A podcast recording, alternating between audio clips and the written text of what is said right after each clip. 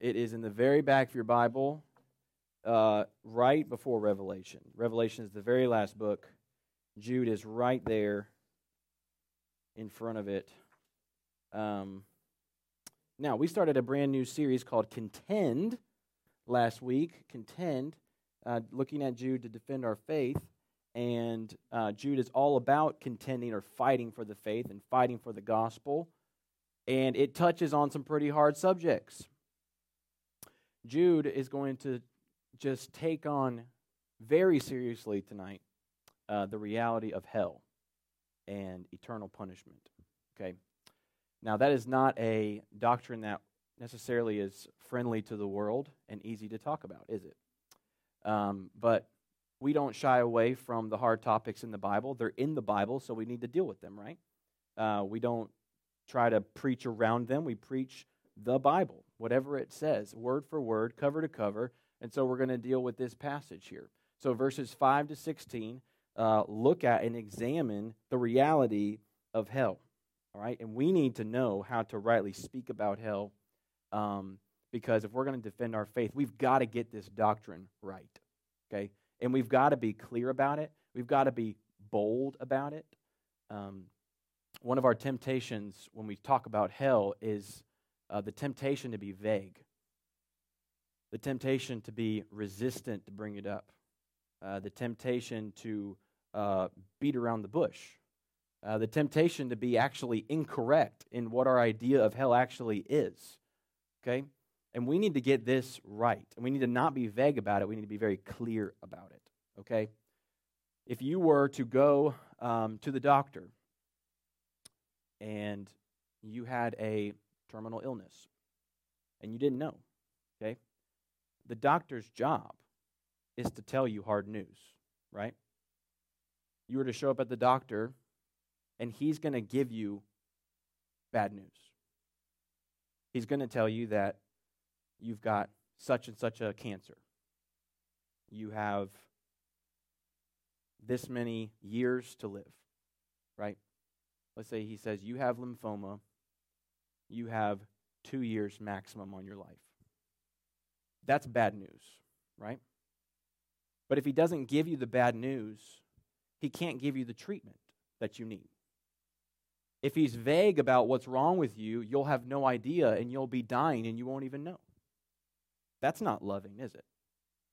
It's the most loving thing the doctor can do, as hard as it is to hear, to look you right in your face and tell you, you have a disease that is killing your body and you've only got a couple years left and you need treatment right now. We've got to get you downstairs. We've got to get you hooked up because it's going to begin right now. The fight for your life begins today. That is the most loving thing he could possibly do. As scary as it would be for you to hear that, and as hard as it would be for the doctor to hear that, uh, to say that, both of you would know that was the right thing to do for your life, it was the right thing to do. It was loving for the doctor to do that. When we speak about hell, it is like the doctor giving the hard diagnosis. We're Christians, right? Christians are saved, right? We say, I'm saved. But do we think about what we're saying when we say that? When you're saved, you're saved from something. Are you not? If I throw you a raft in water, I'm saving you from drowning. Right? If you're saved, if you're saved, if you said to a person, you are saying to them, I am saved from punishment. That's what you're saved from. You're saved from hell. So you've got to get the bad news correct if you are going to understand the gospel. And not just for yourself, but if you're going to be able to explain the gospel to another person. We've got to get the gospel correct. We've got to get hell correct.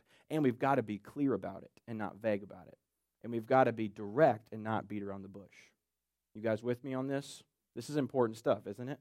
Okay, so let's let's look together. Um, I want us to see this kind of. I want you to have this question in your brain as we as we kind of walk through. This isn't the main point. This is a question that this is going to help us with. Is how do I rightly think about God's punishment in hell? Like, how do, how do I rightly think about and speak about God's punishment of sinners in hell?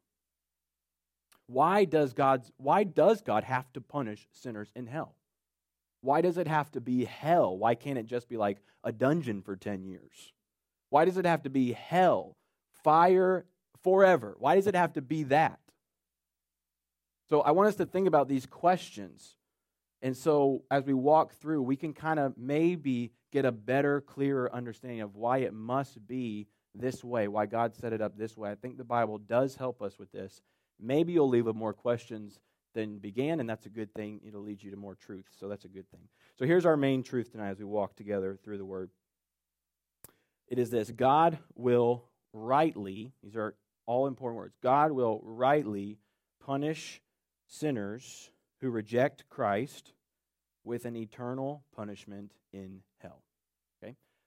God will rightly punish sinners who reject Christ with an eternal punishment in hell.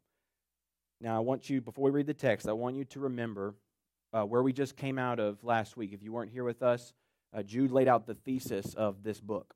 He said the, the thesis of this book is that I want you to contend for your faith, fight for your faith. And he said, I want you to contend for your faith because there's ungodly people in this church who he's talking to that are trying to deceive you and say that you can abuse the grace of God and just use it as a license and a freedom to sin and do whatever you want. Right? That's what he said. And so he's warning them about these guys that are preaching this false gospel, saying, hey, they're telling you you can just live however you want without borders, without authority. You have a license to sin and lust and lie and cheat in every way possible because you've been forgiven. So just live it up, right? That's, that's what he's warning them about. He's saying, don't buy that. And here's the character of the people that preach that. And we'll get, be able to pull out uh, what God teaches us about hell. Okay, let's read uh, verses 5 to 16. All right, if you're with me, say amen nice and loud. Amen. amen. All right, here we go. Now I want to remind you, although you once fully knew it, that Jesus, who saved a people out of the land of Egypt, afterward destroyed those who did not believe. And the angels who did not stay within their own authority, position of authority, but left their proper dwelling, he has kept in eternal chains under gloomy darkness until the judgment of that great day. Just as Sodom and Gomorrah and the surrounding cities, which likewise indulged in sexual immorality and pursued unnatural desire, served as an example by undergoing a punishment of eternal fire. Yet, in like manner, these people, the people in the church, also relying on their dreams, defile the flesh, reject authority, and blaspheme the glorious ones. But when the archangel Michael, contending with the devil, was disputing about the body of Moses, he did not presume to pronounce a blasphemous judgment, but said, The Lord rebuke you. But these people blaspheme all that they do not understand and they are destroyed by all that they, like unreasoning animals, understand instinctively. Woe to them! For they, are, they have walked in the way of Cain. They have abandoned themselves for the sake of gain to Balaam's error. They have perished in Korah's rebellion. We will explain all these names in a minute. Verse 12 These are hidden reefs at your love feast, as they feast with you without fear. Shepherds feeding themselves, waterless clouds swept along by winds, fruitless trees in late autumn twice dead, uprooted, wild waves of the sea, casting up foam of their own shame, wandering stars for whom the gloom of utter darkness has been reserved forever. It was about these that Enoch, the seventh from Adam, prophesied, saying, Behold, the Lord comes with ten thousands of his holy ones to execute judgment on all and convict all the ungodly of all their deeds of ungodliness that they have committed in such an ungodly way and of all the harsh things that ungodly sinners have spoken against him. These are grumblers, malcontents, following their own sinful desires. They are loudmouth boasters, showing favoritism to gain an advantage. So, the verses in this passage you probably won't find on any coffee cup at a store, okay? It's not this kind of passage. But let's see what it is about. So, point number one Point number one is sinners deserve punishment for their ungodly character. Verses 5 to 11 show us this. So there is a lot of Old Testament references in this uh, in these 11 verses, okay? There's like 12 uh, Old Testament references. We're not going to go to each one of them, so you don't have to fear about that.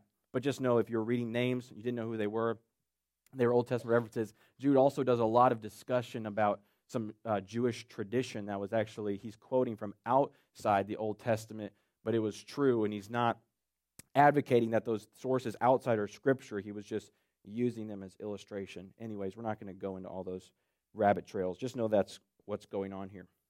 When we are speaking about contending for the faith against people in the church who are abusing the grace of God to live however you want to live, all right, their, their character of those people deserves judgment because they have an ungodly character, and that's what he's explaining here. And he begins to explain their ungodly character right off the bat by giving them three Old Testament examples. He gives them a trio of examples in verses 5, 6, and 7. Verse 5, he says, Jesus, who saved a people out of the land of Egypt. Yes, that says Jesus, talking about the Old Testament. Your Bible is a Christ centered Bible. Okay, Jesus, who saved the people out of the land of Egypt afterwards destroyed those who did not believe. So he's talking first, their example uh, is an example of the Israelites and their unbelief. So their ungodly character is an example of unbelief in God's promises of salvation. They don't believe that God is good to them, that he's a provider and a redeemer, so they follow their own path. Unbelief is the first example. The second example is in verse 6 when he says, And the angels who didn't stay within their own position of authority, they leave their proper dwelling that he has, and he has kept them in eternal chains under gloomy darkness until judgment of the great day. So the second example is angels who have fallen from heaven follow the devil, they fall from heaven, and they reject and rebel against God's authority. So he's using an example from the angels rejecting God's authority to talk about um, these false teachers who reject also Christ's authority. Okay, it's an example of their character. And he says if God judged angels he will certainly judge them for rebelling against his authority. Okay? We've got a 19 month old baby daughter who is learning to reject authority. Okay? So this is what they are doing. And um, angels are an example of that. So if you've ever rejected God's authority, guess what? You followed the example of fallen angels. Congratulations. That's not good news for you, but there you go. The third example he gives is Sodom and Gomorrah. Sodom and Gomorrah, verse 7. Just as Sodom and Gomorrah and the surrounding cities, which likewise indulged in sexual morality and pursued unnatural desire, pause. Unnatural desire is certainly talking about homosexual desire if you read Sodom and Gomorrah in Genesis 19. Okay? So he's saying they indulged in sexual sin and homosexual sin, and they are judged with punishment of eternal fire. Okay, so their punishment is eternal. Sodom and Gomorrah literally went up in flames. And just like a picture of those who reject God's authority, Christ's authority are also judged with an eternal fire. Okay? So he's giving them a couple examples here, a trio of Old Testament examples. And he's saying, look, if all of these Old Testament examples experienced punishment for their sins and they deserved it, these ungodly teachers are following the exact same sins and they deserve it. Okay? And all those who sin in this way deserve the judgment of God. And if these didn't escape the judgment of God, how will we escape the judgment of God if we're doing the very same things? Then he zooms in on their character. So, verse 8 and 9. Look with me at verse 8 and 9. He zooms in on their character. He's going to give a, a trio of sins that represent them. It's kind of in line with the examples he just gave. He says, In like manner, these people relying on their dreams. So he's saying relying on their dreams apparently these um, false teachers, these ungodly people, were using a subjective uh, experience of a dream to say, God told me this, that I have freedom to live this way, that my forgiveness of sin and your forgiveness of sin allows you to live however you want. And they said they got that from a dream. And he's saying, no, you don't get visions from dreams as far as new revelation from God. Okay? If you have a dream this is the revelation from God, not your dream. Okay? Is everybody clear on that? All right. So he's saying, don't rely on a subjective experience like they do. They defile their flesh. Okay, sin number one, they defile their flesh. That's a reference to their sexual sin. Okay, using grace to indulge in sexual sin. They reject authority, much like the example with the angels. They blaspheme the glorious ones. Now, that's a new one. They blaspheme the glorious ones. And then he gives this example of Michael and this discussion with Moses, pronouncing a blasphemous judgment. We're like, what is that all about? But these people, in verse 10, but these people blaspheme all they do not understand. Here's what's going on here in the blaspheme uh, example here. Blaspheming is insulting, belittling, mocking spiritual realities or God Himself. Okay? Anytime that God is mocked, that's blasphemy. Anytime Christ is mocked, the Word of God is mocked or insulted, that's blasphemy. Or even belittled, spoken lightly of, used in a cuss word, it's all blasphemy. All right? And blasphemy is a heinous sin in the eyes of God. He's saying they are blaspheming things that they do not understand. He's saying they do not understand the things of God. They do not understand spiritual things. And do you know what happens when you don't understand something? The temptation for you is to mock it, right? Let me give you an example. If you're really bad at chemistry, anybody bad at chemistry? Anybody taking chemistry and you're like, I'm bad at chemistry. You're taking chemistry, you can't get it right, and you start just scribbling. You're like, this is stupid. The, the test is stupid. The teacher, the teacher is mad. I hate chemistry, right? You're at, the, at that moment, you're blaspheming chemistry. You're mocking the people that do it, the people that teach it, the work. Why? Because you don't understand it, right? In a different, much different way, these people are blaspheming what they don't understand. They're blaspheming the realities of Christ that they don't understand. Um, in um, 1 Corinthians 2.14, it says, the natural person, the person who does not have the Spirit, the natural person does not understand the things of the Spirit of God. Right? They're foolishness to him. They're folly to him. He's not able to understand them because they are spiritually discerned. And so if you don't have the Spirit of God, you're not going to understand the things of God. And what their temptation is, is to mock and insult and blaspheme the things of God. And this is a sin that is deserving of punishment. So things that people mock that are that sinners mock who don't know Christ, they mock the idea of a crucified Savior. They mock the idea of a Bible that is the authoritative Word of God that was written over 1,500 years by 40 different human hands under the inspiration of the Holy Spirit. That's, that's foolishness to them. They don't understand that. They don't get that. They, they mock God's design that, especially in this text, that sex is reserved for inside the bounds of marriage. And your school and your teachers and friends, they mock that design. They blaspheme it with their life and with their words. That doesn't make sense to them. To them, that's old fashioned, restrictive, hateful. You should have freedom to love whoever you want to love, this world says. And that's against God's design. We mock what we don't understand. But here's the thing about truth when you read the word and you speak truth to someone else, the thing about truth is that you don't have to actually defend truth. Truth is truth. Truth is true whether that person wants to believe it or not, right? Mock you all they want. Truth is truth no matter what.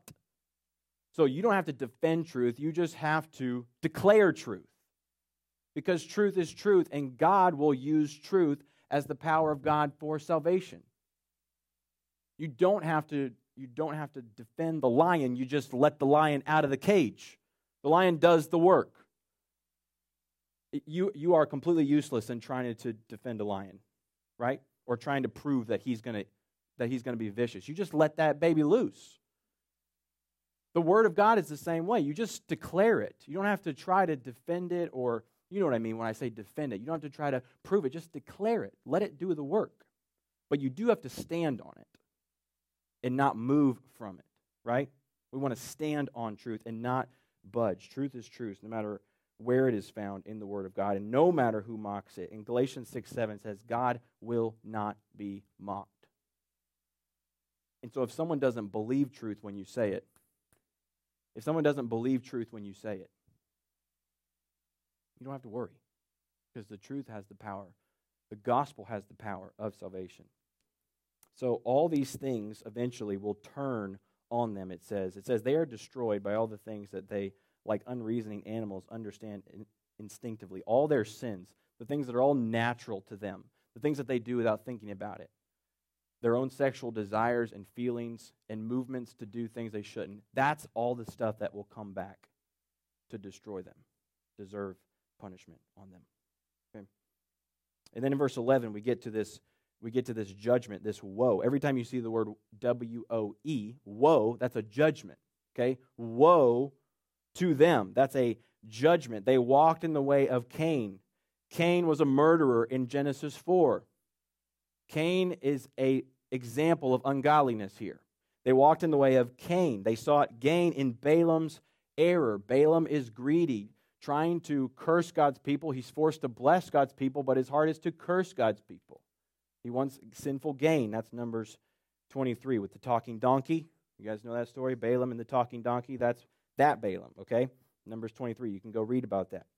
They perished in Korah's rebellion. Korah is in Numbers 16, and Korah rejects Moses' authority as the leader. And you know what God does to Korah and all of his family? He says, Moses, go get Korah and all his family because they reject your authority. I want you to gather them in front of the camp, and I want you to tell everybody to get away because I'm going to open the ground, and all of Korah and his family is going to fall in, and then I'm going to close the ground up over them. That's what happened to Korah judgment from rebellion. So he's giving example after example after example of ungodliness that is judged. Now, what is he doing with all of these things, all these descriptions? He's trying to show us, and he is showing us, that these represent a lifestyle of sinning, okay, and a lifestyle of ungodliness, and a lifestyle of rebellion against God is deserving of punishment. That's the bottom line. It is actually pretty simple, bottom line. A lifestyle of ungodliness and rebellion and blasphemy is deserving of punishment. It's not so much the specific sins that he's trying to show you are deserving as much as it is a lifestyle of ungodliness while saying you are a Christian. That deserves punishment. So, students, like, think about this. If you're using Christ and his grace to indulge and embrace a lifestyle of ungodliness, lust, lies, parties, living your life without any regard to Jesus being Lord of your life, that actually deserves punishment in hell, not life in heaven. That is not a Christian life. I don't care what words you mouthed off when you were five that life will send you to hell because it is a life not submitted to the lordship of Jesus Christ. Do you get that? You guys get that. Right? I know I know you guys, you guys get that. But do your friends get that? Does your mom and dad get that? Do your cousins get that? Do your friends at church get that?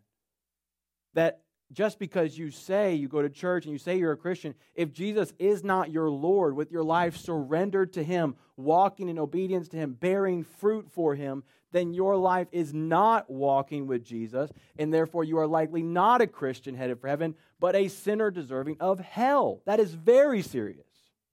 Very serious.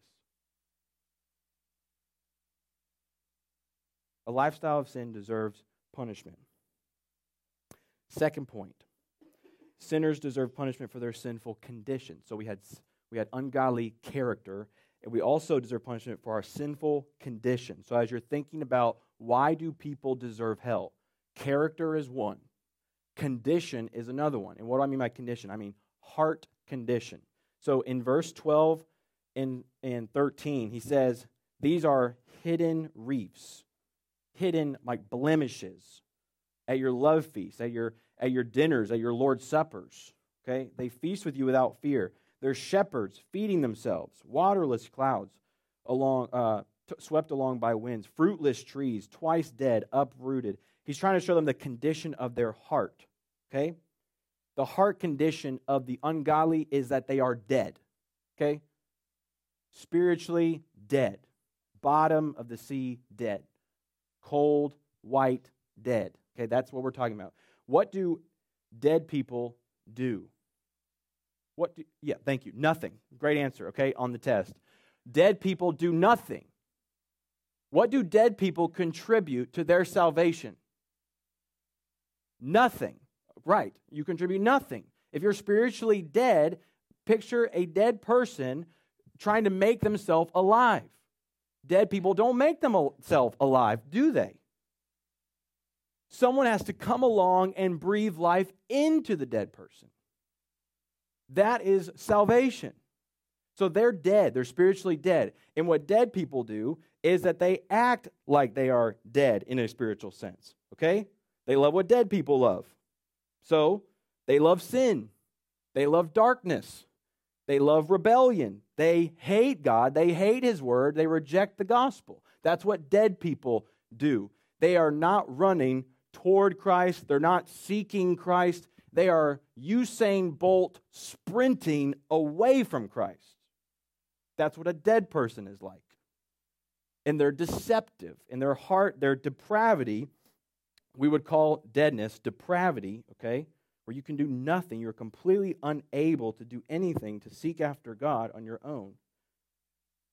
In their depravity, they live according to their nature. So you live like what you are. If you're alive in Christ, you act alive. If you're dead in sin, you act dead in sin. And the, these men acted dead in sin. So it says they're hidden reefs. What does that mean? It says they're hidden, uh, they're like blemishes. This is verse 12. Verse 12. They're hidden blemishes. So uh, the teenage years is a year of blemishes, is it not? On your face, right?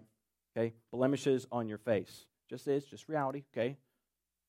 Blemishes on your face. What do you do with those blemishes? You try to hide them cover them up. Thank you, Dylan. Like this, okay? You hide them. You put a hat, you put a hat on, right? Girls put makeup on. Are you trying to cover up the blemishes? We were all we're all teenagers, okay? Cover up the blemishes. We want to hide our imperfections. Sometimes those blemishes pop up out of nowhere, and you're like, where did that come from? I did not see that this morning, right? That was not, I know that pimple was not there this morning. Has that been on my face all day? I'm not sure but it pops up out of nowhere. It was a hidden blemish and it just arose from the surface right on your face and you saw it in the mirror at night. Now you're embarrassed. Right, it's a life of blemishes. So if you think about blemishes, hidden blemishes in their gatherings together, right? They're just they're hidden under the surface, they pop up out of nowhere, right? And these men who are trying to twist the gospel in the church are hiding among them at their Lord's Supper gathering, at their gatherings to eat a meal together. And they're trying to pull other people along with them into their sinful lifestyle of ungodliness. That deserves hell. So they're hidden reefs. There, there gives a couple. Uh, oh, he says shepherds first. So he's shepherds feeding themselves. That's another Old Testament reference to Ezekiel 34.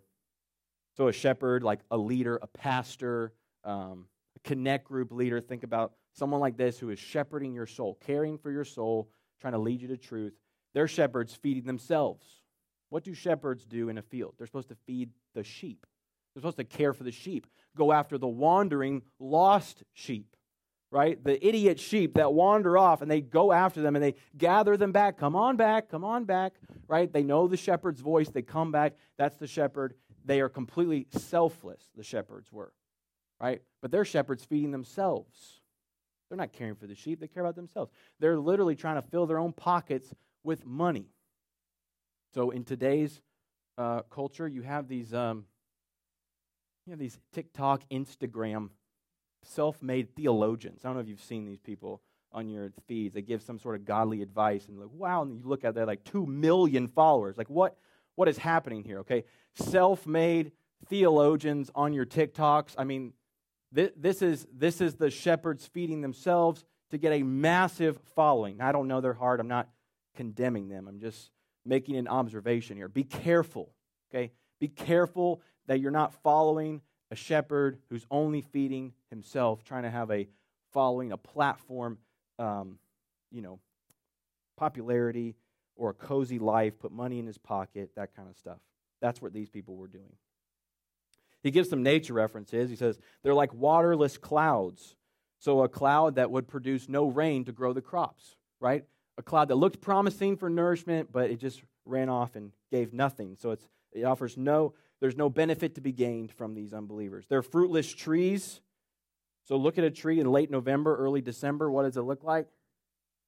Dead, dying. Okay? So these, these fruit trees were fruit trees that were supposed to give fruit, but they never did. So now it's too late for them to produce fruit. So it's this idea of these people are promising something, promising life, promising nourishment, and leaving us hanging with nothing. They are fruitless, right? And we know that the Holy Spirit in us, if we have Christ, produces what? Fruit, right? An apple tree grows apples. A Christian grows spiritual fruit, and they have no fruit on the tree of their life. It says they're twice dead. Don't need to read too much into the twiceness. That's just trying to say they're really dead. Okay? They're like dead twice over. Spiritually super dead. As dead as we can possibly be. That really is the emphasis right there. Twice dead, uprooted, right? There's no life in them whatsoever. They're wild waves tossed at the sea, casting up foam to their own shame. So their nature is that they're sinful. They're not alive. They're not living and they live lives that produce shame. They have a reputation of being alive, but they're dead. Uh, Revelation 3 1 says, You have a reputation of being alive, but you're dead. Do you, student, have a reputation of being alive, but are actually dead inside? And you're fooling everybody else. Do you know people in your life that have a reputation of being alive, but you know that they are dead, headed for hell, and they need to be spiritually alive? They need Christ to breathe life into them. Only Christ can make us a new creation. Only Christ can breathe life into a spiritually dead person and save them from going to hell. Do you know anybody like that? I know some people like that. Let's look at point number three very quickly here. Sinners will receive punishment that is eternal. So, this is the end of our text here. Sinners will receive punishment that is eternal verses 14 and 15 says, It was about these things that Enoch, the seventh from Adam, prophesied, saying, Behold, the Lord comes with 10,000 of his holy ones to execute judgment on all who. Uh, on all and to convict all the ungodly and all of all their undeeds of ungodliness that they have committed in such an ungodly way and of all the harsh things that ungodly sinners have spoken against him. Ungodly is actually not a very common word in the New Testament. And it's used five times in Jude. Maybe six. I think it's five. Five times in Jude, four times right here in this little passage, once in verse 4. Ungodly means living as if God does not exist, living in complete opposition to God. And it says, he will execute judgment on all. So we need to ask ourselves when we read this who is judgment for? It is on all who reject Christ every person who does not know Jesus and does not respond to the gospel will experience a judgment in hell forever. Most of you get that. But you need to know why that is the case. People need to know Jesus to be, to be delivered from hell. They cannot know just God generally. They have to know Christ to be delivered from hell. Why does God have to judge sinners? Because God is a just God. God is a holy God. He is a good God. He has a standard of righteousness, and he cannot let evil go unpunished. God must execute a judgment on sinners because if he did not, he would not be able to uphold his holiness. If he is good, then he will judge sinners for their sin. It is a good thing that God judges sinners. He would not be good unless he judged sinners. Let me give you an example. If you were to go into a courtroom and there was a man on trial, let's say you're on jury duty, and there's a man on trial who was driving under the influence, careened off the road, and hit a child and killed the child. And he is on trial now on the stand and his, the family of the lost child that has passed away is there in the courtroom, and the guy on the stand is there on trial for driving under the influence, reckless murder, right? Foolishness. And the judge says to the man, Your sentence is, and the family waits, and everybody waits. What are they about to say? And the judge says, your punishment is 10 hours of community service. All of you just died a little inside because you know if the judge said that, they're not just a bad judge, that's evil, right? Why is that evil? Because the crime and the punishment for the crime don't match. The punishment has to fit the crime in order for the judge to be good. If the judge lets that one go, they're not a good judge. And that judge is going to lose their job because they can't be trusted. And if God does not judge sin and evil in the world, He's not a good God. He's not worthy of praise and He can't be trusted. It is a good thing that God judges sin and sinners in eternity in hell because God is an eternal God. And sin against an eternal God deserves what? An eternal punishment. And if God does not punish sinners in eternity forever, then he's not a good God and he can't be trusted because the punishment doesn't fit the crime. So that, that's really hard for us to understand. I want you to think, li- listen to this verse in 1 Thessalonians. 1 Thessalonians 1 7 and 9.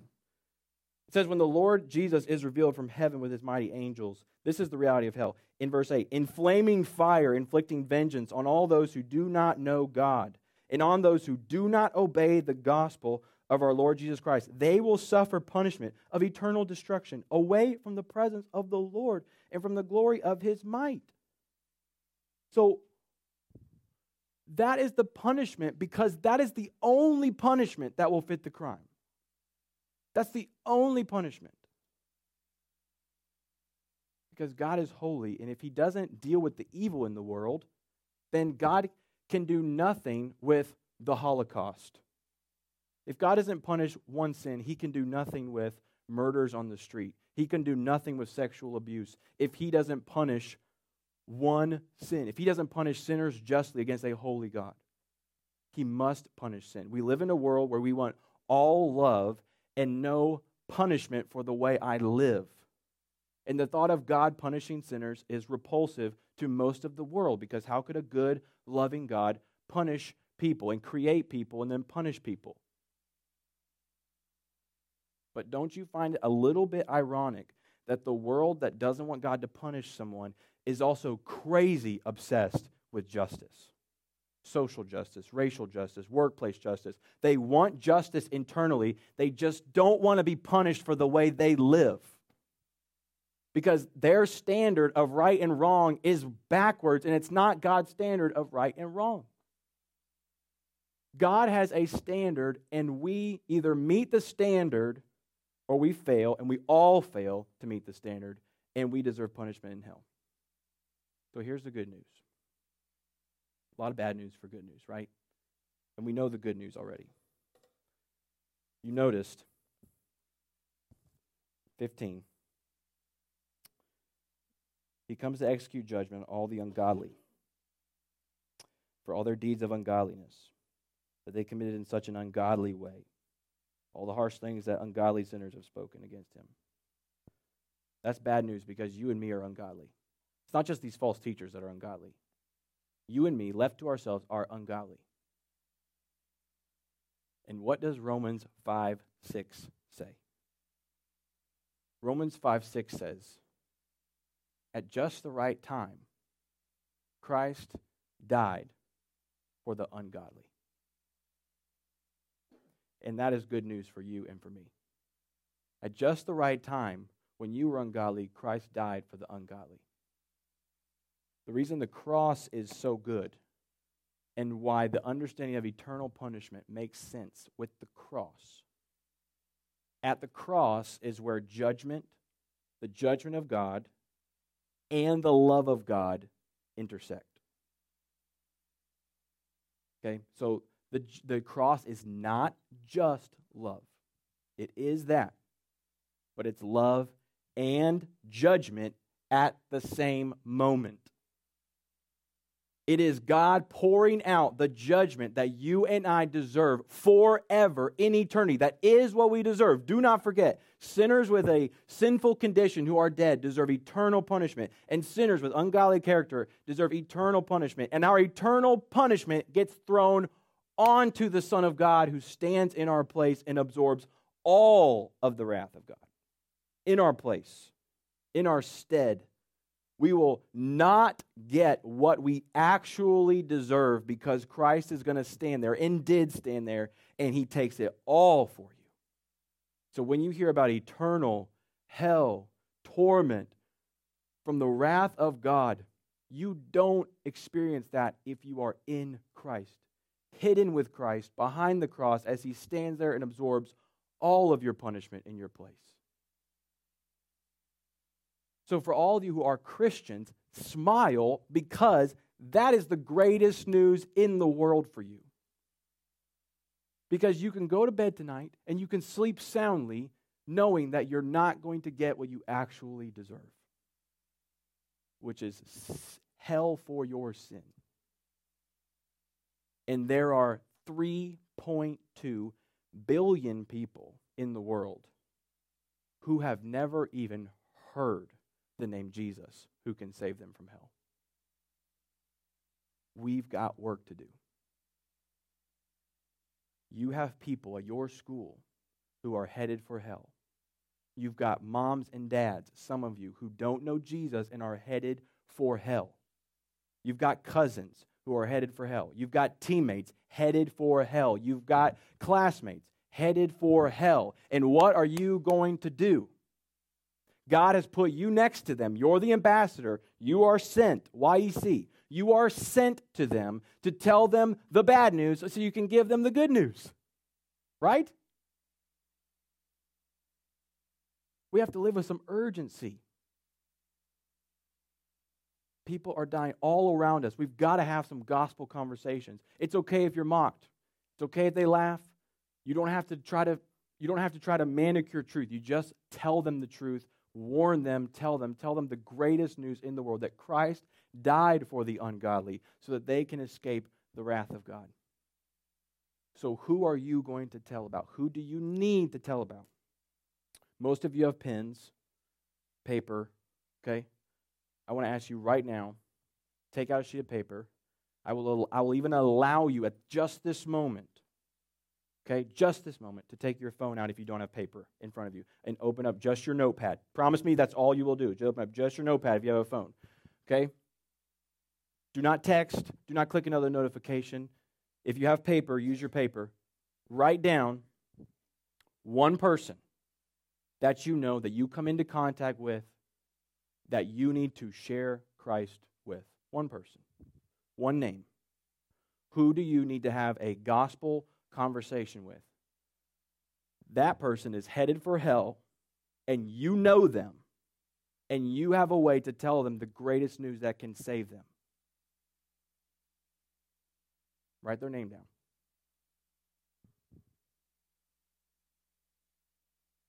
And as we pray in a second, I want you to pray over that person. And if you can't think of someone, don't panic, okay? Spend the night thinking about it put their name down. And I want you to commit to praying for that person, praying that God would open up their eyes, pray that God would give you an opportunity to share Christ with them. You have the greatest news in the world because everyone is under the worst news in the world and they don't even know it. What are we going to do to be ambassadors for Christ? Okay? You with me? We can do this? And please, before we pray, if you don't know for sure, if you know Jesus and you want to trust in Jesus, and it's okay if you've come to church your whole life, guess what? You won't be thinking about how long you came to church if you are burning in hell. It won't matter. Do you guys you guys got that? That at that moment won't matter. Hell is full of people who went to church. They, it is a packed house in hell of churchgoers.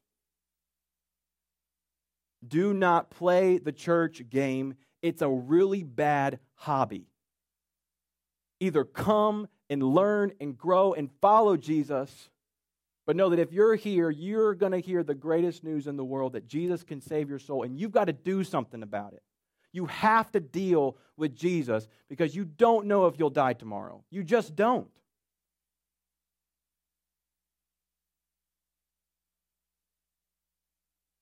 Do not wait another day. Do not go to bed tonight if you are unsure if you are saved. Please ask me. Please ask me what it means to know Jesus. For all of us, let's go share the gospel, share Jesus with someone who needs to hear it. Hell is real. God is supreme. Christ alone can save. So let's declare this news. Okay, let's pray. Father, thank you for just your, your amazing good news. Christ died at the right time for the ungodly. That's us. The false teachers in the, in the text in the church were ungodly, but apart from Christ, we're all them. We're all ungodly. We're all sinners in need of a Savior. Lord, we, we are so thankful for grace. We're so thankful for truth. We're so thankful for good news. God, let us not get so numb to this news that we don't share it, that we just Uh, take your resources and we don't share them with the world. Help us stop hogging salvation for ourselves, keeping it to ourselves without sharing it. Let us not abuse grace to have a comfortable life or to abuse grace to sin. God, you have saved us to send us. Please use us, give us boldness, wake us up, change our hearts. Christ alone can do this, Lord. Christ alone can breathe life into our dead souls, and Christ has in so many of us. God, I'm so thankful for this group that loves you. They actually do love you, and they love their friends, and they want to share the gospel with their friends. Keep them bold in their faith. God, use us. God, we pray for those that are not here. Would you please bring them back to us? God, please use us for your glory to declare the greatest news in the world. All the names that were written down in here, Lord, you saw every single one. God, would you use us to be bold? Use us to be bold, to share Jesus with someone, to just get in a conversation. Lord, I know I need boldness and help.